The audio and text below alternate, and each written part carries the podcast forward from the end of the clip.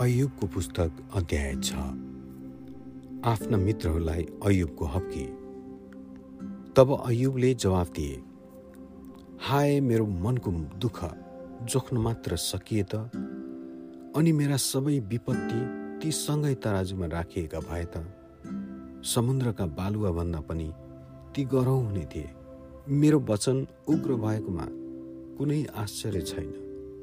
सर्वशक्तिमानका काँड ममा गाडिएका छन् अनि तिनका विष मेरो आत्माले पिउँदछ। परमेश्वरका त्रास मेरो विरुद्धमा खडा छन्।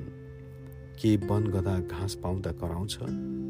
अथवा आफ्नो कुँडो पाउँदा गोरु टुक्रन्छ? के खल्लो खानेकुरा नुन बिना खान सकिन्छ? के अन्डाको सेतो भागमा केही स्वाद हुन्छ? मलाई भोक लाग्दा पनि ती छुन मन लाग्दैन। यस्तो भजनले मलाई बिरामी बनाउँछ। हाय मैले बिन्ती गरेको कुरा पाए त हुने थियो। मैले आशा गरेको थोक परमेश्वरले मन्जुर गर्नु भए त हुने थियो। मलाई धुलो पिठो पार्न परमेश्वर इच्छुक भए त हुने थियो। उहाँको हात स्वतन्त्र भएर मलाई खत्तम पारे त हुने थियो। त्यसले बरु मलाई शान्ति दिने थियो र कष्टमा पनि म आनन्दले उफ्रने थिएँ। किनभने पवित्र जनका वचन मैले इन्कार गरेको छैन। ममा के शक्ति छ र म अझ पनि आशा गरौँ। मेरो अन्त के हुन्छ र म धैर्य धारण गरौँ? के मेरो शक्ति ढुङ्गाको जस्तै छ र अथवा मेरो मासु काँसाको हो र के ममा आफूलाई सहायता गर्न केही बल रहेको छ? किनकि अब सफलता मबाट हटाइएको छ।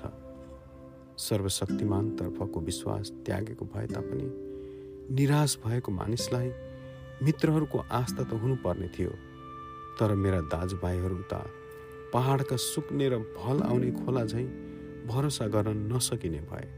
भल आउने खोला झैँ जब पग्लेका बरफले अथवा हिउँ पग्लेर भल आउँछ तर सुक्खा ऋतुमा बग्न छोड्नेछन् र तापले ती नालाबाट हराइजान्छन्। तब यात्री दल आफ्ना बाटोबाट तर्केर जान्छन्। तिनीहरू विनाशतिर उक्लन्छन् र नष्ट हुन्छन्। तेमाका यात्री दल आफ्ना निम्ति ती खोलाका पानी खोज्छन्। सेवाका व्यापारी दल तिनको आशा सहित हेर्छन्। आफूले भरोसा गरेका सबै कुरामा तिनीहरू निराश हुन्छन्। तिनीहरू निराश हुनलाई मात्र त्यहाँ पुग्छन्। अब तपाईँहरू पनि सहायता विहीन हुनुहुन्छ भनी साबित भयो। तपाईँहरूले केही डरलाग्दो कुरा देख्नुभयो र भयभीत हुनुभयो। मेरो पक्षमा केही दिनुहोस्। मेरो निम्ति तपाईँहरूको धन सम्पत्तिबाट मेरो छुटकाराको धरोटी तिरिदिनुहोस् भनी मैले भनेर मलाई मेरा शत्रुहरूबाट छुटाउनुहोस्। निष्ठुर मानिसहरूका हातबाट दाम तिरेर मलाई मुक्त गर्नुहोस् भनी मैले कहिले भने मलाई सिकाउनुहोस् र म चुपचाप बसेर सुन्नेछु। मैले कहाँ गल्ती गरेँ? मलाई देखाइदिनुहोस्। इमान्दार वचनहरू कति प्रष्ट छन् तर तपाईँहरूको तर्कले के प्रमाणित गर्छ?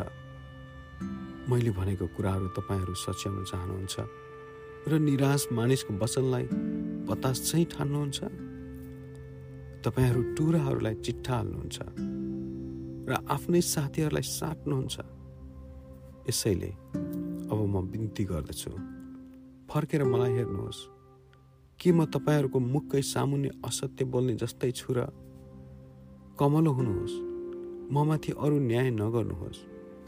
फेरि सम्झनुहोस्। किनभने मेरो इमान्दारीको सवाल छ। के मेरो ओठहरूमा कुनै दुष्टता छ? के मेरो मुखले असल र खराबको बिचमा छुट्याउन सक्दैन र? आमेन।